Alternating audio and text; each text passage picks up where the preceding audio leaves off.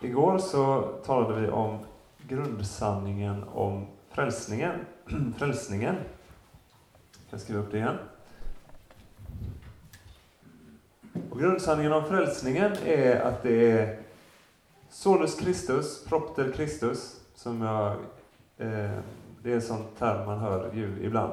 Solus Christus, bara genom Jesus, bara genom Kristus. Propter Kristus, på grund av Jesus. Och det sker genom tron. Tron som jag gör att jag tillägnar mig det Jesus har gjort. Tron som inte är mer eller mindre, bättre eller sämre, välformulerade satser om Jesus som tro. Utan tron som är Andens verk genom ordet och sakramenten. Sola fide är det. Eh, tron alena. Sanningen om frälsningen, ja, eh, det finns en eh, en latinsk sentens, eller nej det är det inte, det är en latinsk, ett latinskt citat från den romer, romersk-katolska liturgin från medeltiden. Som berörde mig väldigt starkt när jag var cirka 20 och läste den första gången. Det, det är så här. Å Felix culpa, quae tantem, tantum act talem redemptorem habere mervit. Det betyder O lyckliga synd som har förtjänat att ha en sån underbar och fantastisk frälsare. Kan vi ta till oss det? Vilka lyckostar vi är som syndare. Hade det inte varit på grund av den så hade vi aldrig fått en sån underbar, fantastisk frälsare. Ja. Får man säga så? Och lyckliga synd? Ja, det får man. Även som eh, lutheran. Det är sanningen om frälsningen. Det sker genom Jesus och vi får vara lyckliga över den. Frälsningen. Idag så är det grundsanning och, kronstället för det är Romarbrevet 3.21 som, vi, som eh, liksom startade det hela. Men nu har Gud uppenbarat en rättfärdighet som inte beror av lagen, men som lagen och profeterna vittnat om. En rättfärdighet från Gud genom tron på Jesus Kristus för alla dem som tror. Här görs ingen åtskillnad. Och sen slutade vi igår med kapitel 5, vers 20-21. Vi hann aldrig beröra det, men vi slutade med kapitel 5. Där synden, där synden blev större, där överflödade nåden än mer. På samma sätt som synden härskade och förde till döden, skall därför nåden härska genom rättfärdighet och föra till evigt liv genom Jesus Kristus, vår Herre. Adam, Kristus. Adam ledde till synden, gällde alla människor. Kristus ledde till frälsningen, erbjuds alla människor. Så kommer vi idag till sanningen, grundsanningen om helgelsen. Eller möjligen grundsanningen om det levda livet som kristen. Det var också en, en fråga igår som vi bär med oss idag, som vi får eh, försöka eh, lösa. Vad gör man med synden som, som kristen? Vad händer med den? Då stannar vi idag inför kapitel 6, 7 och 8 om att leva som kristen. Överskriften av dessa grundsanningar om helgelsen skulle också kunna vara Kristus i oss. Så Paulus är alltså färdig med vad gör en människa till kristen? Det är Jesus som gör det. Och hur en människa blir kristen? Jo, genom tron. Men för att Paulus har förklarat det, hur, hur blir man kristen och vad gör mig till kristen? så är inte Paulus färdig med förkunnelsen om Kristus, Jesus. Så det är inte så att Gud säger i sitt ord, nu har jag dött för er på korset, jag har gjort allt för er, ni har inte behövt ta ett enda steg för er frälsning. Ni har inte ens kunnat det. Men nu får ni se till att klara er själva. Nej, Ett kristet liv är ett liv i Kristus, med Kristus, från början till slut. Paulus började komma in på ämnet i fem, kapitel 5, vers 5. Hoppet sviker oss inte, ty Guds kärlek har ingjutits i våra hjärtan genom att han har gett oss den helige Anden. Nu fortsätter den versen här i kapitel 6. Andens nya liv i en kristen människa. Som vi också kallar helgelsen. Då ska jag läsa andra Thessalonikerbrevet, eller andra Korintierbrevet 5.17. Den som är i Kristus är alltså en ny skapelse. Det gamla är förbi, något nytt har kommit. Den gamle Adam, när vi tittar på den som kristen, så tänker man vilken fruktansvärt gammal Adam. Och så tittar vi på Kristus och säger, det finns någonting nytt, något fräscht, något gott, som jag får sluta mig till. Och nu gäller det, som också vi var inne på igår, att få saker rätt om helgelsen, om det kristna livet. Så att vi inte blir förtvivlade som kristna. För om jag, en sån sak som får, kan få en kristen att tvivla, både på Gud och på mig själv, det är synder och grova synder jag begår som kristen. Det kan få mig att tvivla på Gud. Är Gud något stark egentligen? Hur, hur mycket frukt lyckas Gud egentligen att skapa i mitt liv när jag beter mig på det här sättet? Jag tänker avundsjuka tankar om mina medmänniskor. Jag blir arg och, och elak mot mina barn när de inte beter sig som, som de ska. Och jag tänker otuktiga tankar trots att jag inte vill. Och, ja, allt vad man gör. Eller så kan man kan det också vara så att man, man gillar synden. Man tycker den är bra. Man trivs med den. Och så inser man, jag kan inte fortsätta vara kristen och samtidigt leva i detta. Och så liksom långsamt släpper man tron. Så därför ska vi vara noga med att se vad Paulus säger i, i eh, det här kapitlet. De här kapitlen. Först, vad betyder helgelse då? Är det självbehärskning? Jag lär mig att behärska mig själv. Bättre och bättre genom olika övningar. Alltså, kan jag kontrollera mig? Självbehärskning är bra, men det är inte helgelse. Det är inte detsamma, det är inte en synonym med helgelse. Jaha, handlar det om att jag ska förbättra min gamla människa? Alltså, göra den gamla Adam lite bättre? Nej, det är det inte heller. Vad är det då? Jo, helgelsen handlar om att en rättfärdiggjord kristen människa görs av Anden allt mer lik Kristus.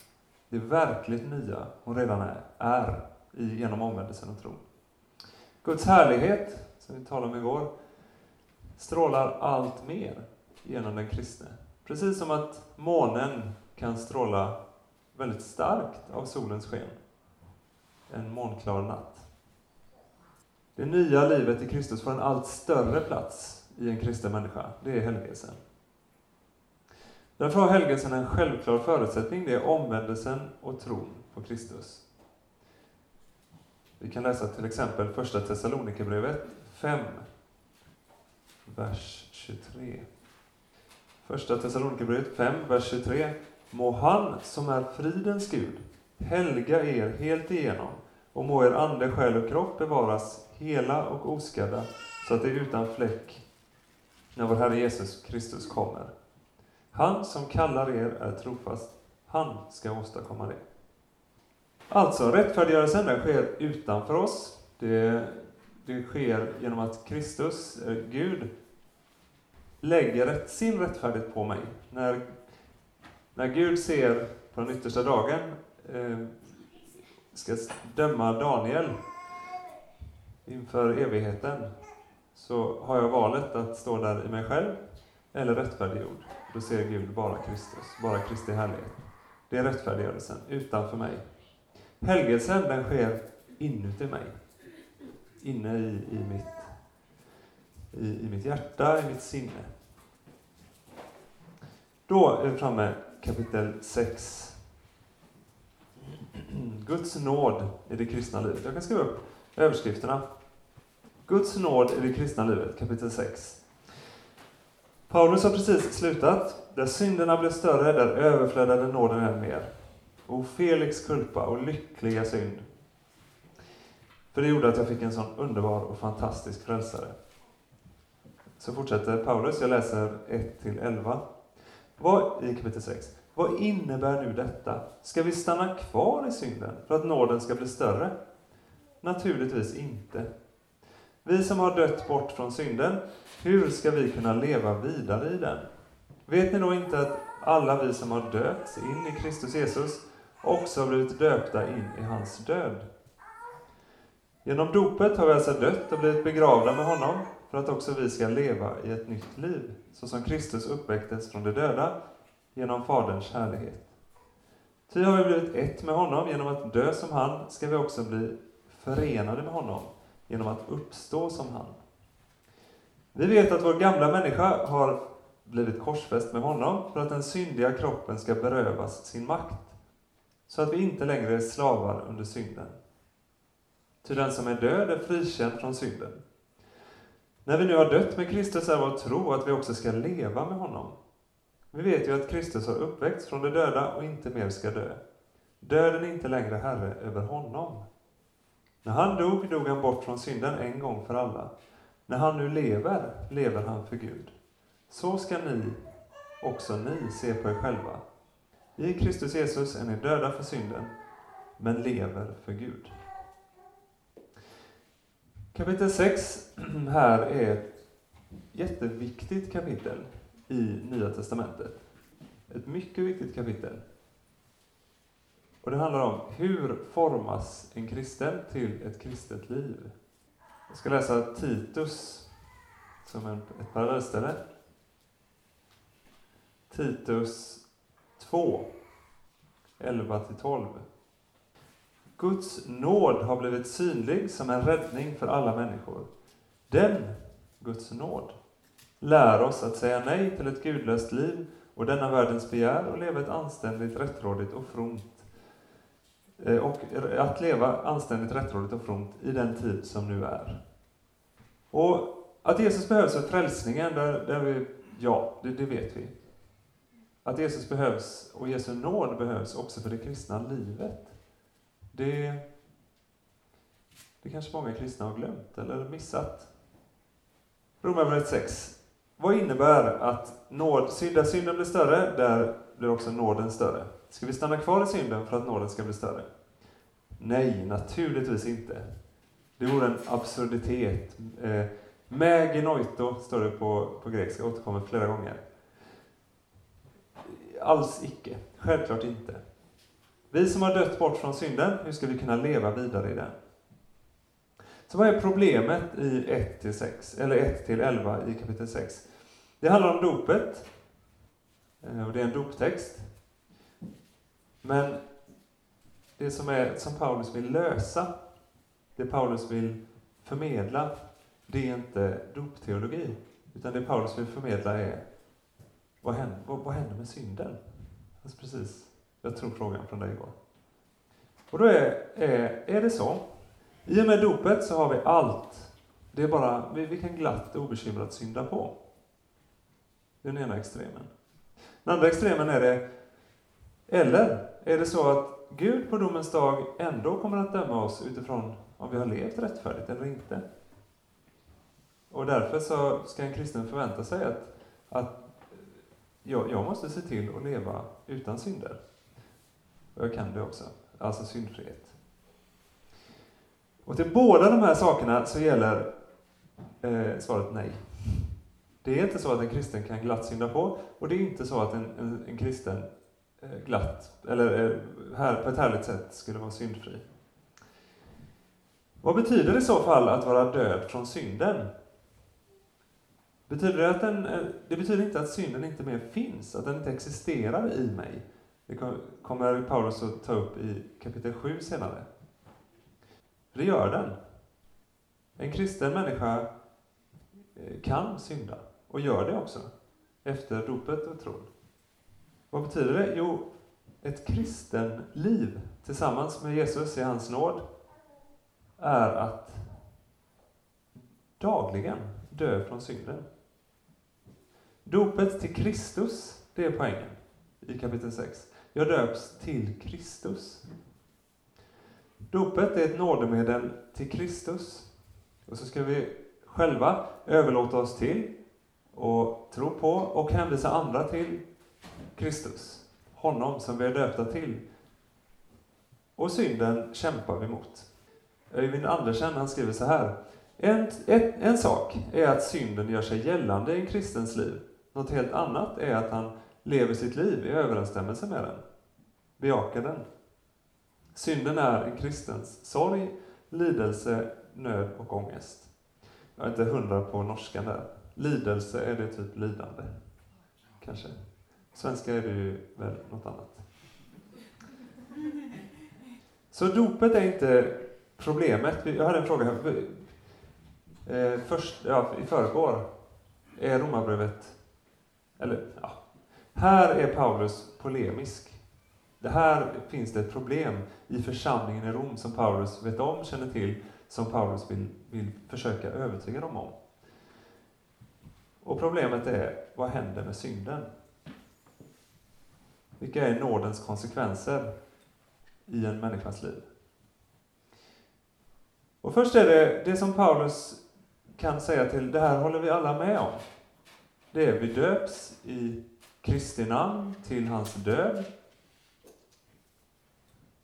Vi hade alla samma bekännelse. Kristus är död, begraven, uppstånden. Och genom dopet så får man allt vad Kristus har.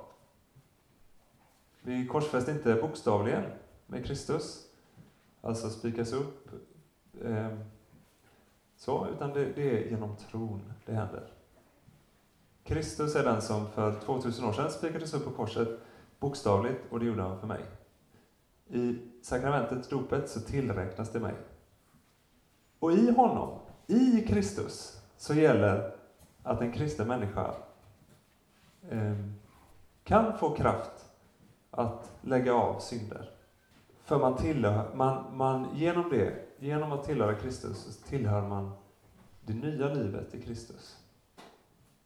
Alltså man, man, synden har makt, men vi ska inte ge den några anspråk på våra liv. Det vore absurt att ge synden makt, för vi tillhör den inte. Vi tillhör Jesus.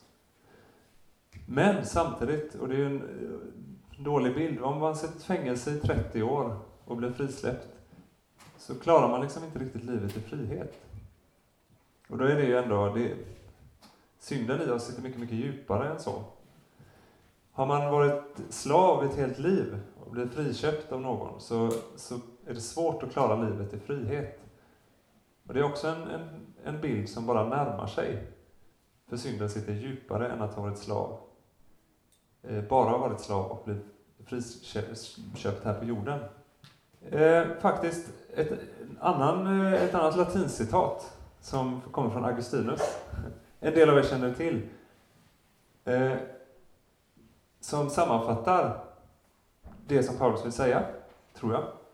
Här, och sammanfattar hela Bibeln. Adam, han levde med en möjlighet att synda. Posse pecare. Någon som har hört uttrycket? Fantastiskt, vad roligt. För då får ni lära, lära er något som och jag får känna mig duktig som, som kan något som inte ni kunde. Posse Picare. Adam, innan fallet, han kunde synda. Han hade valet att synda.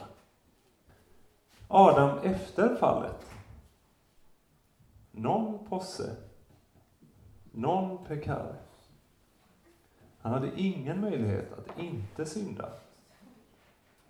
Det första är Adam innan sitt fall. Det här är från kapitel 5 i Romarbrevet och nu i kapitel 6. Adam hade möjligheten att synda. Valet att synda. Efter Adam har vi inte valet att synda. För vi har, vi har inte valet att inte synda. Vi syndar. Och vi gör det för att vi... efter min omvändelse till Kristus, efter att Jesus har dött och uppstått för mig och jag har överlåtit mitt liv till, mitt liv till honom, så gäller posse non pecare, en möjlighet att inte synda. Genom Kristus, hans nåd, så ges jag en möjlighet att inte synda. Och det sker genom att jag dagligen omvänder mig till Jesus.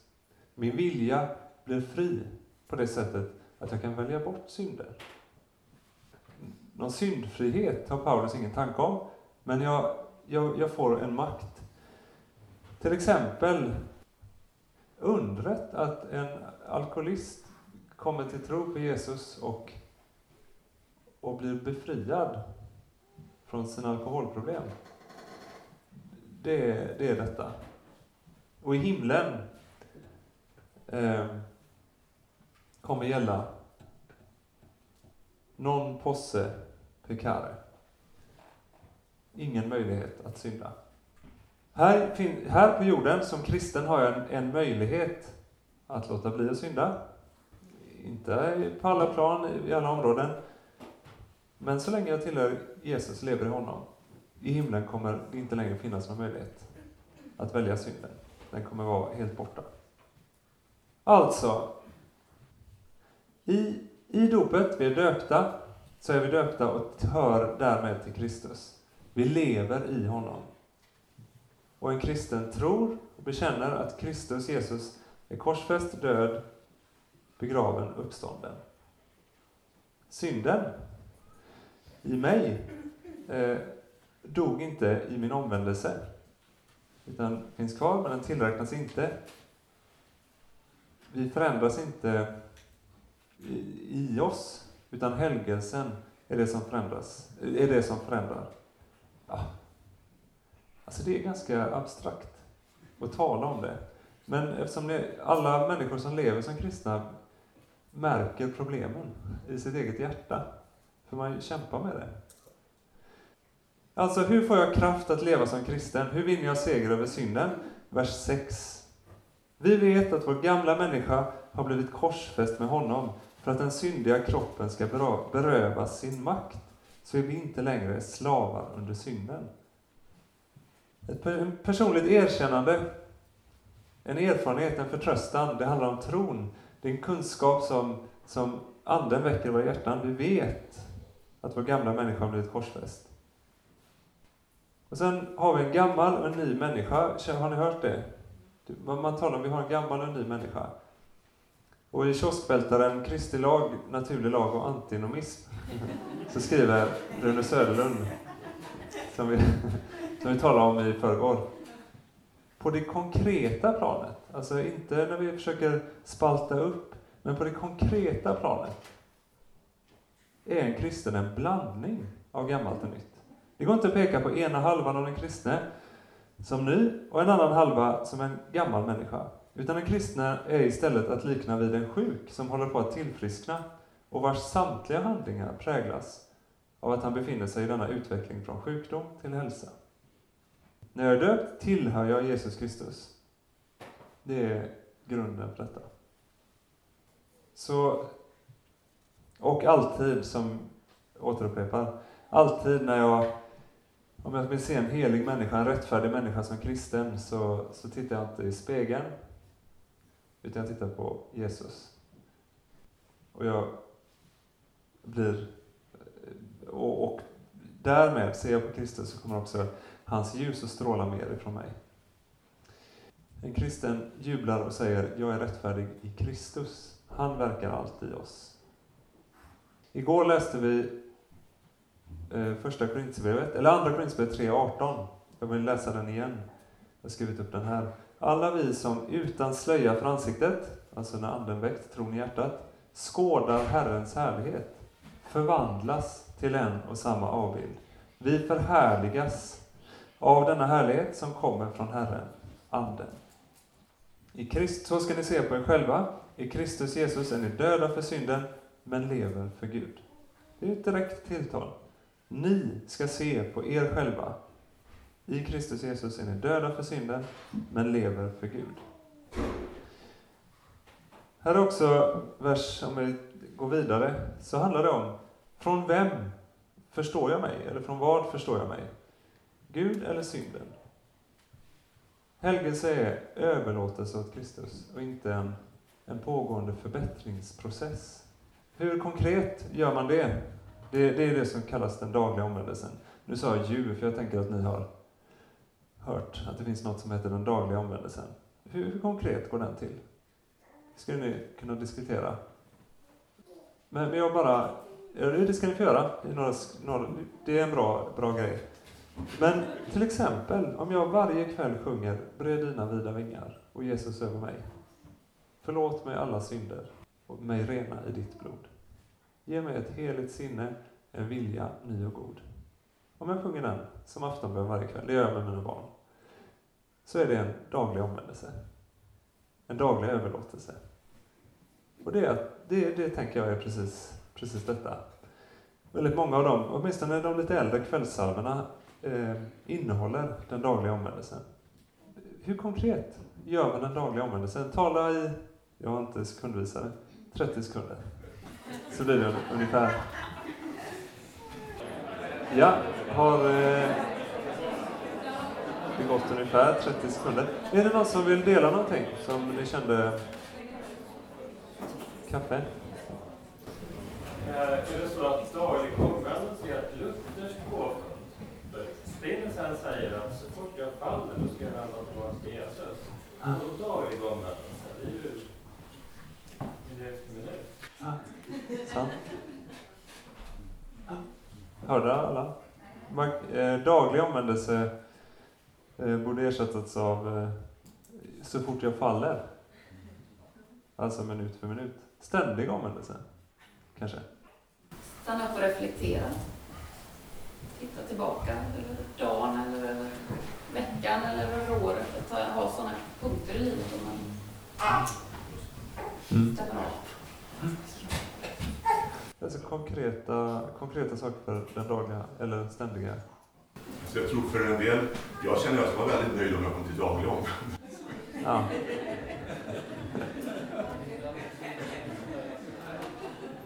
Men vi har Men- ju ändå gudstjänsten en gång i veckan. Alltså Ja. Det är ju en, en hållpunkt. Liksom. Var sjunde dag. Skulle jag skulle bara vilja fråga vad du tänker om människor som inte har mött Jesus och deras val. Att de kan ju också fortfarande välja att inte synda. Eh, Om du tänker det du hade, hade apostelkarlar och Ja. vad skillnaden är mellan en som bekänner sig som kristen och en som inte. Om du tänker att det är medvetenheten eller för andra människor har väl ändå möjligheten att välja bort Mm. också. Det här det är Augustinus som, eh, tror jag i alla fall, man brukar säga det, är ibland svårt att veta sånt, eh, som har sagt de här fyra punkterna. Men eh, det är, jag tänker, all, alla, Gud är glad när alla människor väljer goda saker oavsett om man är kristen eller inte. Och Gud blir vred, Guds vrede drabbar eller ledsen också säkert, om man gör dåliga saker för sig själv eller för andra. Men jag tänker, på, i det här planet så, så handlar det om, jag, jag tror, eller alltså kan en, en, en människa som inte är kristen väljer ju uppenbart att göra saker som, väljer ju bort ibland vissa saker som är dåliga och negativa, destruktiva. Eh, I, Luthers tradition har man sagt så här, det finns ett lagens första bruk. Och lagens första bruk handlar om att vi, och där kan Guds lag och bud vara till hjälp även för det vanliga civila samhället. Du ska inte döda. Det fixar de, ja, de allra, allra flesta. Det är ju fanta- det är ju bra. Och vi kan begära det av de alla, ja, alla. Vi kan begära av alla, ni ska inte döda. Vi- kan begära av alla att ni ska eh, sköta er och är ni anställda på, har ni ett jobb så kommer ni i tid och tjänar ni pengar betalar ni skatt och sådär. Och det tillhör lagens första bruk. Sen finns det ett lagens andra bruk och det är när jag låt, när, när det drabbar mitt hjärta på ett andligt plan. Okej, du ska inte döda, men Jesus säger du ska inte ens bli vred på din broder. Då undgår du inte domen. Eller du ska inte...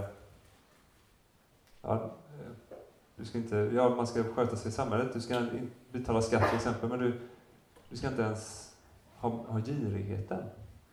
Begäret efter pengar. Och lag, det är i det sammanhanget som, som också Paulus talar i Romarbrevet. Den lagen som driver mig till Kristus. För jag inser att det här kan jag inte följa. Det här, det här fixar inte jag, det fixar ingen människa. Ehm. Men det, och det är de synderna som man genom Kristi nåd kan få kraften att se och möjligen också kraften att övervinna. Sen inom katolsk teologi så har man sagt att alla goda, alla goda gärningar, all, kär, all, all, all kärlek är, är god kärlek. Och all kärleks ursprung och barmhärtighet är Gud. Så därför varje god gärning på något vis närmar mig Gud. Medan lutheraner, eller i alla fall Luther, traditionellt har varit extremt rädd för sådana tankar. För att då tänker man, då tar man bort Kristi ära i frälsningen. Om man eh, lägger en börda på människor. Kan jag lämna det så? Kanske. Eh, det här är, det är liksom sådana här pågående, eh, inte eviga frågor, men tidsliga frågor, så länge tiden, jorden består och vi lever. Martin hade något? Nej, det var bara utifrån det tidigare. Det, Ja. Ja. Alltså jag tänker bara det här att det blir ett konstigt tanke att tänka om vi ändå tänker att Gud är liksom allt kärleks ursprung. Att inte det goda som sker i världen också Ja. skulle ha sin källa i Gud på något Ja. sätt. Eh, alltså, jag tänker det är verkligen bara en katolsk tanke att tänka så. Jag kan ju förstå alltså, det som Luther varnar för så att säga. Mm. Att man tar bort Jesu betydelse i det. Men Mm. någonstans så finns det ju ändå också att Gud ändå är som är Mm. kärleken i sitt väsen Mm. på något sätt ändå efter. Mm. Absolut. Och naturrätten som vi talar om från kapitel 1. Det finns eh, någonting kvar i oss som dels förstår Guds existens. Jag tror att ateism är en konstig sak. Många kulturer fattar inte ateism. Det finns naturligt i oss att tro på Gud. Och det finns ett naturligt i oss att tro på krav Gud har på moralen. Det finns naturlagar i naturen, säger Bibeln. Psalm 19 är ett annat exempel, exempel. Hur det helt går från naturlagarna till morallagarna. Helt. Alltså det finns en parallellitet mellan naturlag och moralisk lag i människan. Inte i djuren. Kaffe, hade du något? Kan, kan man tänka så här att, att synden är inte eh, mord och otukt och stöld och så, utan synden är bortvändheten från Gud. Så om man inte är kristen eh, så är man per definition bortvänd från Gud. Och det är liksom ingenting som man kan sluta med om man inte vänder sig till Gud, så då blir man kristen. Eh, sen är alla de här synderna är liksom frukten av den här bortvändheten från Gud som vi fortfarande bär med oss. Man tror ju liksom att det här med, jag vill inte betona det här med kristen och icke-kristen så jätte, jätte mycket för att jag tycker att, jag tror att Gud verkar även i folk som inte kallar sig kristna. Så att, eh, alltså det här, de goda gärningarna. Mm. Det, det jag tänkte var den här modellen, liksom, när, eh, det som du sa, att när man har mött Jesus så får man liksom möjligheten att välja bort synd. Men det kan ju också, om man ska spetsa till det lite, så det märks mer på en eh, människa som inte har mött Gud, goda gärningar mer än hos mig till exempel. Mm. Men, om, men förstår du den tanken att om synden är bortvändheten från Gud, Ja. eh, om det är det som är, är själva synden, då kan man inte låta bli att bära den synden med mindre än att man vänder om. Det är väl det jag tänker att lägga begreppet gudlös. Som är i det, inte bara på, kanske inte ska berätta mötte Anton Andersson Blom nu i, i går. Och han säger att det är inte genom att, titta på sina synder hela tiden som helgonen ser sin stora syndfullhet, utan det är att komma nära den heliga guden. Mm. Eh, jag, jag är fortfarande lite kvar igår. Mm. Så jag tänkte så här, en daglig omvändelse på kvällen. Mm. Är det för vår skull eller för Guds skull? Mm. Förlåter inte Gud oss förrän på kvällen? Eller är den pö- behöver Gud i den för att förlåta oss? Eller är det framför oss, Mm. framförallt för oss, så vi kan känna, men nu lägger vi det här bakom oss och imorgon tar vi nya tag för att bli en bättre. Mm. Paulus uttrycker sig att ni, ni har blivit befriade från syndens makt och nu lever ni i nåden. Det är ändå en... ehm, ja. Så Gud behöver egentligen inte någon omvändelse, daglig omvändelse alls för att förlåta oss. ja. Det var inte meningen att Nej. säga någonting här. Nej, det är svårt att veta. Ju, alltså det,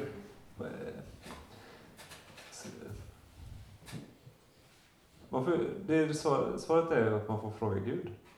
Behöver du detta Gud? Eh, och för, behöver du detta Gud för mig? Och det, det kanske hänger ihop också. Min tro handlar inte om Gud som sin isolerade del och mig som sin, min isolerade del. Utan tron handlar om den gemenskapen jag har med Gud. Eh, med min fru till exempel, jag, om vi eh, är ovänner. Räcker det att hon blir vän med mig eller måste... Ja, eller jag vet inte bilden, men, men att det är en pågående relation ändå som vi har med Gud. Som Paulus talar om. Det inte lite what would Jesus do? Eh, Jag kommer till Jesus och frågar lite grann hur, hur ofta, ofta måste jag omvända mig? Måste jag verkligen omvända mig varje dag? Liksom, hur långt bort kan jag gå från Gud och ändå liksom bli frälst på slutet? Vad skulle han svara då? Sök, kämpa, gå Mm. vidare, vänd dig mot Gud. Jag tror inte den frågan liksom, den är inte relevant.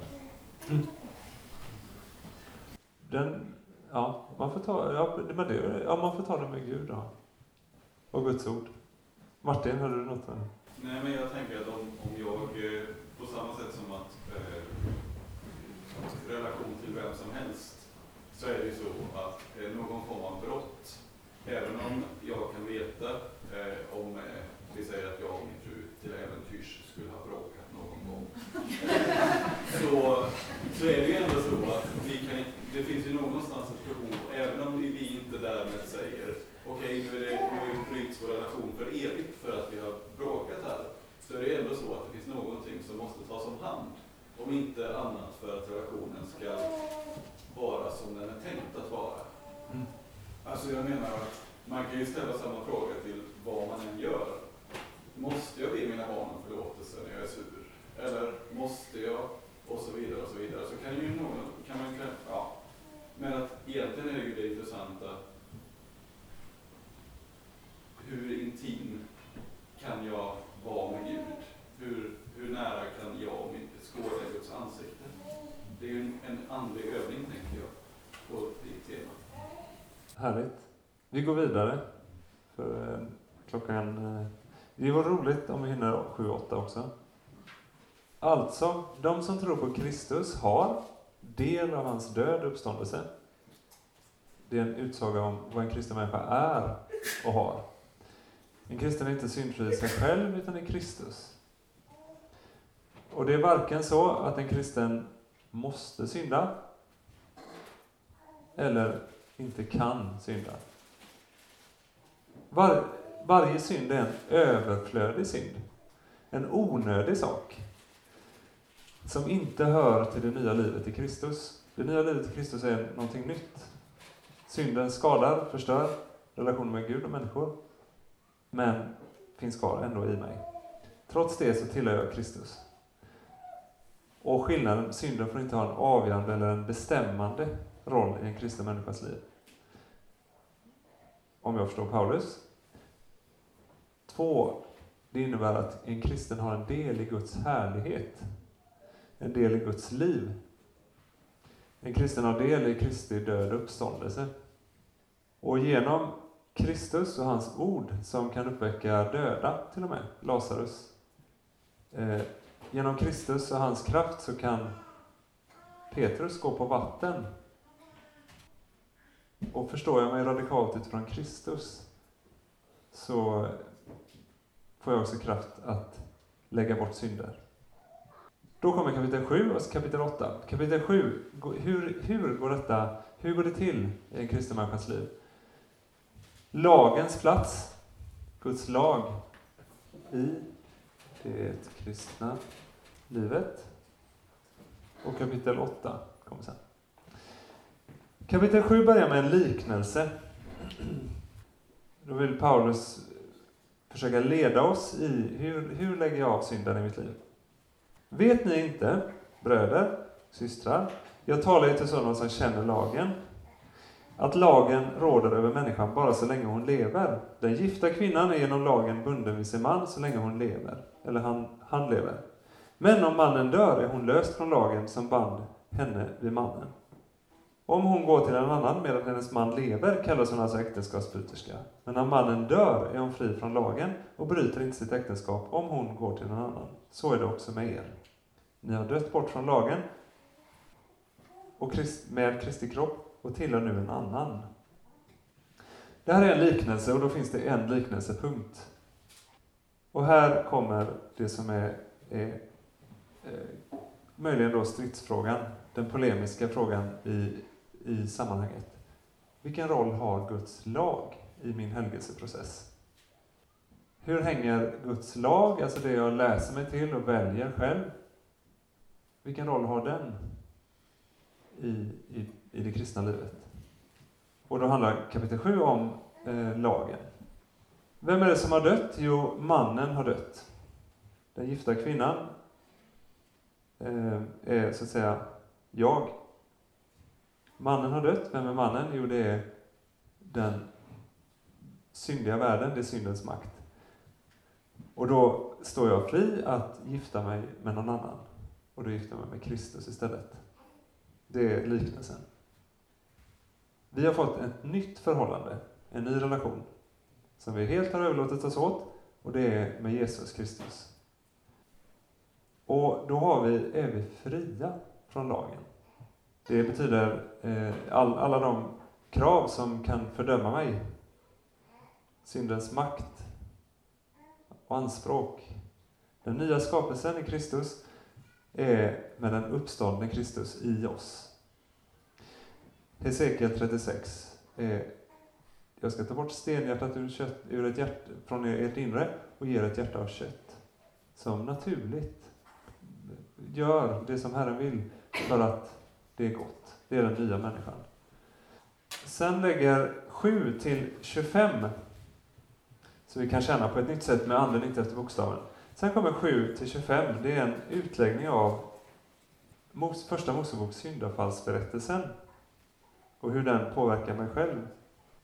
Och då är, om vi tittar på vad det är för tempus, så är det dåtid i vers 7 till vers 13.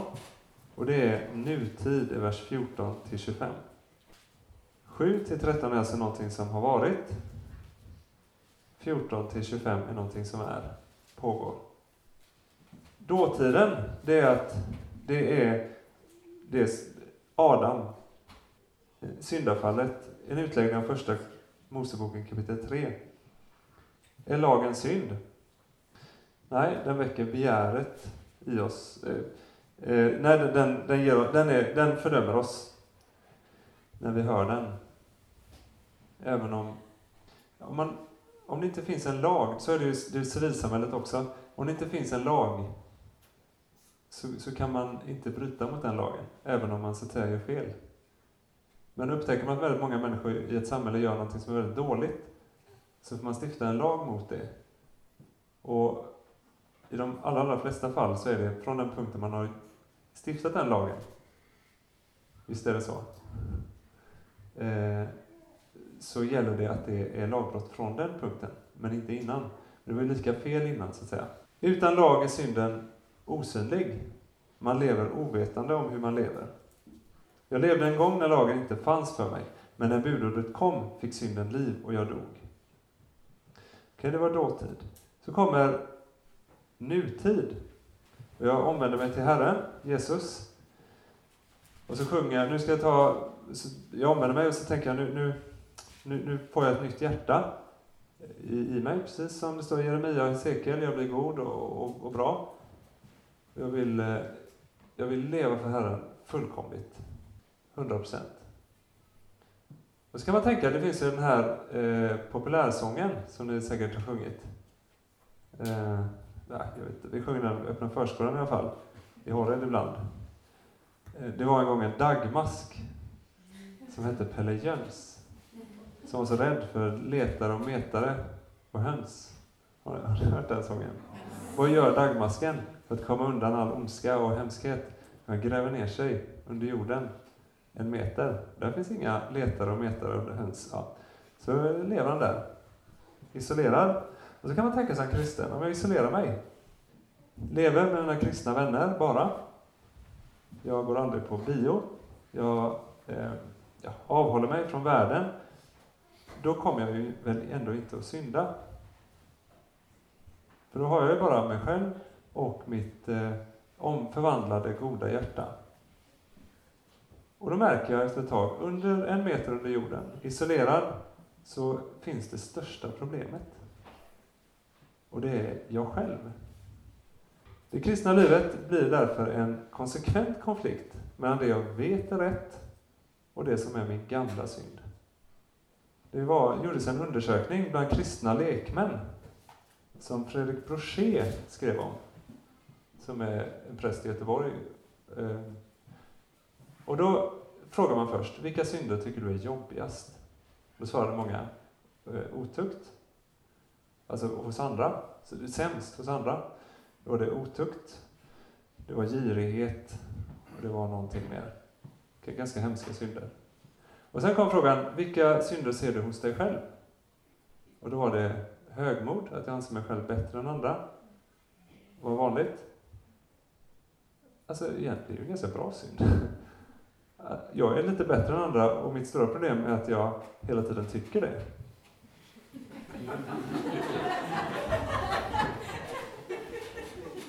Men självinsikt, borde det inte vara så att girighet och otukt och eh, vad det nu, vad det den tredje synden var, som man såg hos andra, det är det som finns hos mig också.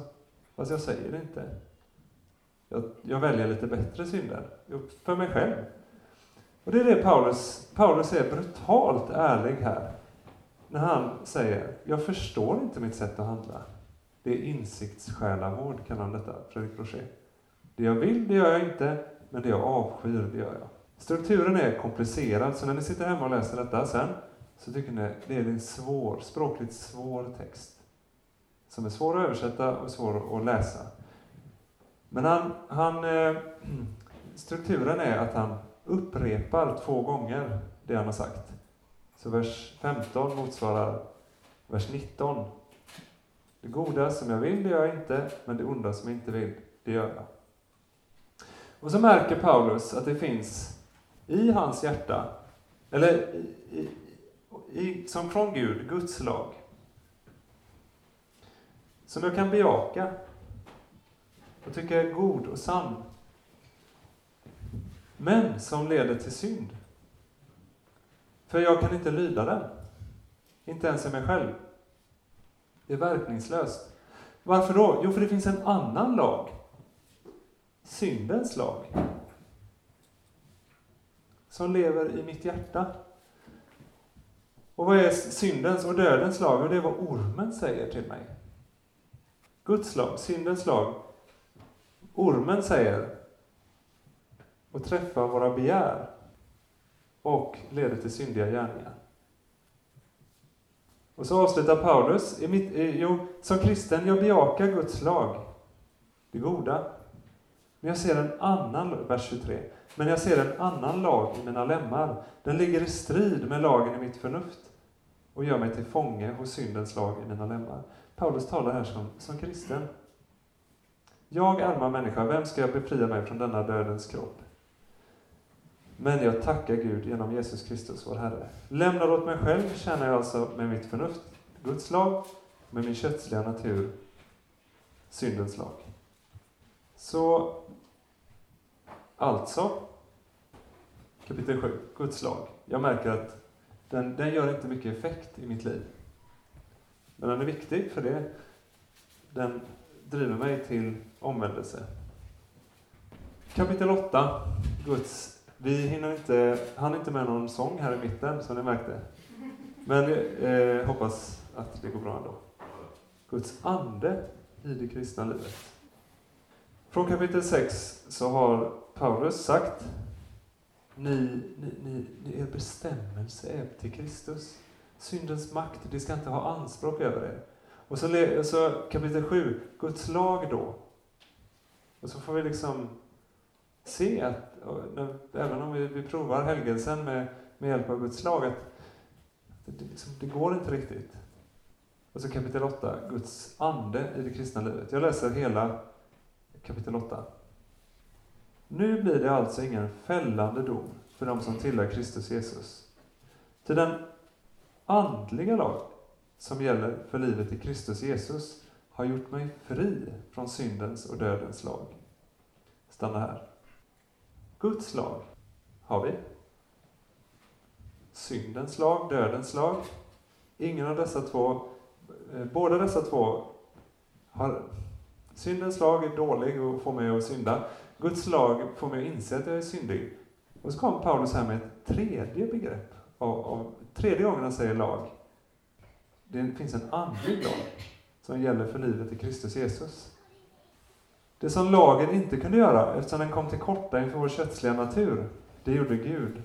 Då han lät sin egen son bli lik en syndfull människa, sände honom som ett syndoffer, dömde han synden i människan. Därmed kunde lagens krav på rättfärdighet uppfyllas hos oss som lever efter vår ande och inte efter vår kötsliga natur. Till det som lever efter köttet har dess sinnelag, men det som lever efter anden är andligt sinnade. Köttets sinnelag betyder död, men andens liv och frid. Köttets sinnelag innebär ju fiendskap med Gud. Det underordnas inte Guds lag, kan inte heller göra det. Det som är kvar i sin kötsliga natur kan inte behaga Gud. Ni däremot är inte kvar i den, utan lever andligt när nu Guds ande bor i er. Den som inte har Kristi ande tillhör inte honom. Om Kristus bor i er så är visserligen kroppen död på grund av synden, men anden har liv på grund av rättfärdigheten. Om anden från honom som har uppväckt Jesus från de döda bor i er, då ska han som har uppväckt Kristus från de döda göra också era dödliga kroppar levande genom att hans ande bor i er. En kristen är för det första befriad från lagens förbannelse. Det finns ingen fällande dom för den som tillhör Kristus. Det finns ingen fördömelse. Och så kommer kapitel 8 om livet i den heliga Ande, som är det nya livet. Och som vi faktiskt ändå får kämpa med och, och leva. Och när jag säger kämpa handlar det om att överlåta mig dagligen. Jag inser att vi har tio minuter på oss. Så för, jag vet inte hur mycket poäng det är att snabbt, snabbt, snabbt eh, ruscha igenom och vad det ger. Livet i den helige Ande, Anden leder det kristna livet. Anden, nu lagen som befriar, kommer Paulus till här. Anden träder in i mig, förverkligar sig i mig och befriar mig. Det kristna livet är ett liv som finns på grund av Anden, beror på Anden, det är ett Andens verk. Uppväckt av Anden, uppehålls, styrs, berikas av Anden. Romarbrevet 8.4, det är så det var tänkt i paradiset. Lagens krav på rättfärdighet uppfylls hos oss som lever efter vår Ande, och inte efter vår kötsliga natur. Den livet från den helige Ande. Det säger jag om detta. Sen fortsätter vers 12. Ni har alltså skyldigheter bröder, men inte mot köttet, inte efter att leva, inte att leva efter vår kötsliga natur. Om ni lever på det sättet kommer ni att dö, men om ni med ande dödar kroppens gärningar ska ni leva. Alla som leds av ande från Gud är Guds söner. Ni har inte fått en ande som gör er till slavar, så ni måste leva i fruktan igen. Ni har fått en ande som ger er söners rätt, så att ni kan ropa Abba, Fader. Anden själv vittnar tillsammans med vår, vår ande om att vi är Guds barn. Men är vi barn så är vi också arvingar. Guds arvingar, Kristi medarvingar, om vi delar hans lidande för att också få dela hans härlighet. Anden ger en djup gudsgemenskap. Anden leder det kristna livet. Anden ger två, en djup gudsgemenskap. Och det sker genom en adoption. Ett adopterat barn har precis samma rättigheter som ett så att säga biologiskt barn.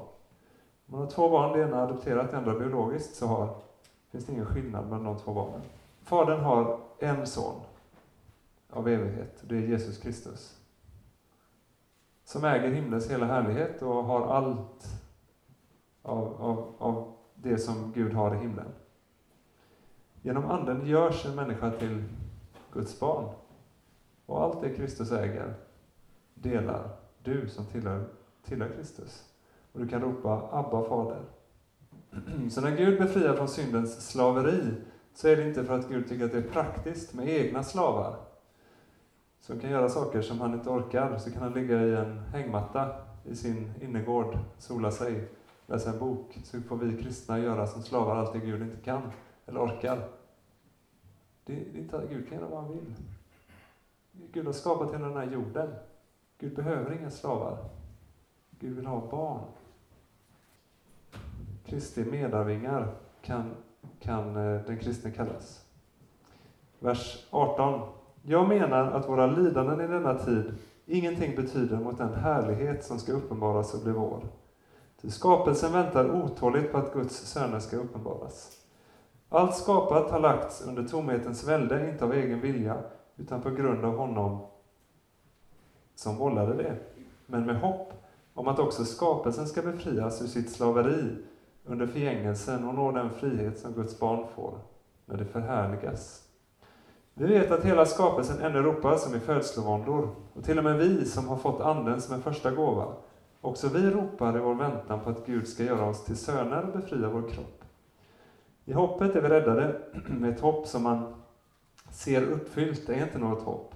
Vem hoppas på det han, inte, på det han redan ser? Men om vi hoppas på det som vi inte ser, då väntar vi uthålligt. På samma sätt är det när Anden stöder oss i vår svaghet. Vi vet ju inte hur vår bön egentligen bör vara, men Anden vädjar för oss med rop utan ord. Och han som utforskar våra hjärtan vet vad Anden menar, eftersom Anden vädjar för det heliga så som Gud vill. Anden ger, det tredje, hopp om en befriad skapelse. Anden leder det kristna livet, Anden ger en djup gudsgemenskap och Anden ger hopp om en befriad skapelse. Ett verb som används om skapelsen här, den väntar otåligt. Det är ett verb som kan användas om en språngberedd katt. Jag har aldrig sett det. Men har ni sett? En katt som smyger sig för att ta en fågel. Smyger sig fram så här, tänker jag mig. Och så fågeln märker ingenting. Och sen spänner katten alla sina muskler. Och precis i den, det ögonblicket, det, det är verbet Paulus använder här. Om hela skapelsen. Väntar otåligt på den dag, dag då hela skapelsen ska befrias. Då Jesus ska komma tillbaka för att skapa en ny himmel och en ny jord. Nya himlar och en ny jord. Också vi hoppas och ropar på samma sätt. Och den här spänningen mellan kapitel 7 och kapitel 8 eh, lever en kristen i. Fick frågan här innan, skämtsamt. Eh, ja, hur känns det idag? Lever du i kapitel 7 eller kapitel 8 av Romarbrevet? Sanningen är att vi är där. Alltså, hur, hur mår du idag? Känns det som att du lever överflödande i anden och allt är bra och anden gör allt? Eller känns det som att du kämpar på med lagen? Det är, det är en spänning en kristen lever i hela livet. Så, då kommer... Jag, jag, nu låter jag medvetet Paulus egna ord få störst plats på slutet. Och läser, så att vi har läst hela kapitel 8. Vers 28 till vers 39. Tryggheten att tillhöra Jesus. Livet en helig ande var vers 1 till 27. Nu kommer tryggheten i att tillhöra Jesus. För en kristen gäller ingen fördömelse från vers 1 och vers 39. Inget åtskiljande. Vi vet att Gud på allt sätt hjälper dem som älskar honom att nå det goda.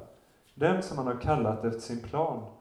Till dem han i förväg har utvalt han också bestämt till att formas efter hans sons bild, så att denne skulle vara den förstfödde bland många bröder. De han i förväg har utsett har han också kallat, och de han har kallat har han också gjort, gjort rättfärdiga. Och de, som, och de han har gjort rättfärdiga, de har han också skänkt sin härlighet. Vad innebär då detta? Om Gud är för oss, vem kan då vara mot oss? Ett litet, litet paus. Om Gud är för dig, då behöver inte du vara mot dig. Väl så viktigt. Han som inte skonade sin egen son utan utlämnade honom för att hjälpa oss alla. Varför ska han inte skänka oss allt med honom? Vem kan anklaga Guds utvalda? Gud frikänner, vem kan då fälla? Kristus är den som har dött, därtill den som har uppväckts och sitter på Guds högra sida och vädjar för oss. Vem kan då skilja oss från Kristi kärlek? Nöd eller ångest, förföljelse eller svält, nakenhet, fara eller svärd? Det står skrivet, för din skull lider vi dödens kval dagen lång. Vi har räknats som slaktfår. Nej, över allt detta triumferar vi genom honom som har visat oss sin kärlek. Ty jag är viss om att varken död eller liv, varken änglar eller andemakter, varken något som finns eller något som kommer, varken krafter i höjden eller krafter i djupet eller något annat i skapelsen ska kunna skilja oss från Guds kärlek i Kristus Jesus, vår Herre. Ingen anklagelse, ingen förföljelse eller nöd kan skilja en kristen från Jesus. Evangeliet är en Guds kraft som räddar var och en som tror. Det var sammanfattningen av hela Romarbrevet. Guds kraft frälser och leder den kristne. Från början, början till slut gäller Jesus. Nåden är först och sist. Nåden börjar och slutar en kristen människas liv. Vi vet att Gud på allt sätt hjälper dem som älskar honom till att nå det goda. Han utvärderar, han kallar, han gör rättfärdig. Han är den som skänker sin härlighet. Ingen anklagelse kan skilja. Om jag hör, okej, okay, skulle du kunna vara en kristen? Andra kanske, men inte du. Gud har gjort rättfärdig. Han klär en människa i sin rättfärdighet, förklarar henne rättfärdighet. Han har all makt i himlen och på jorden. Evangeliet är en Guds kraft till frälsning och ingen förföljelse. Tänk att Paulus blev halshuggen i Rom år 64 eller något. Och han säger att ingen förföljelse eller nöd kan skilja honom från Jesus. Tänk hur mycket den kristna kyrkan har varit förföljd genom historien. Nero använde kristna som facklor vid en fest på 60-talet.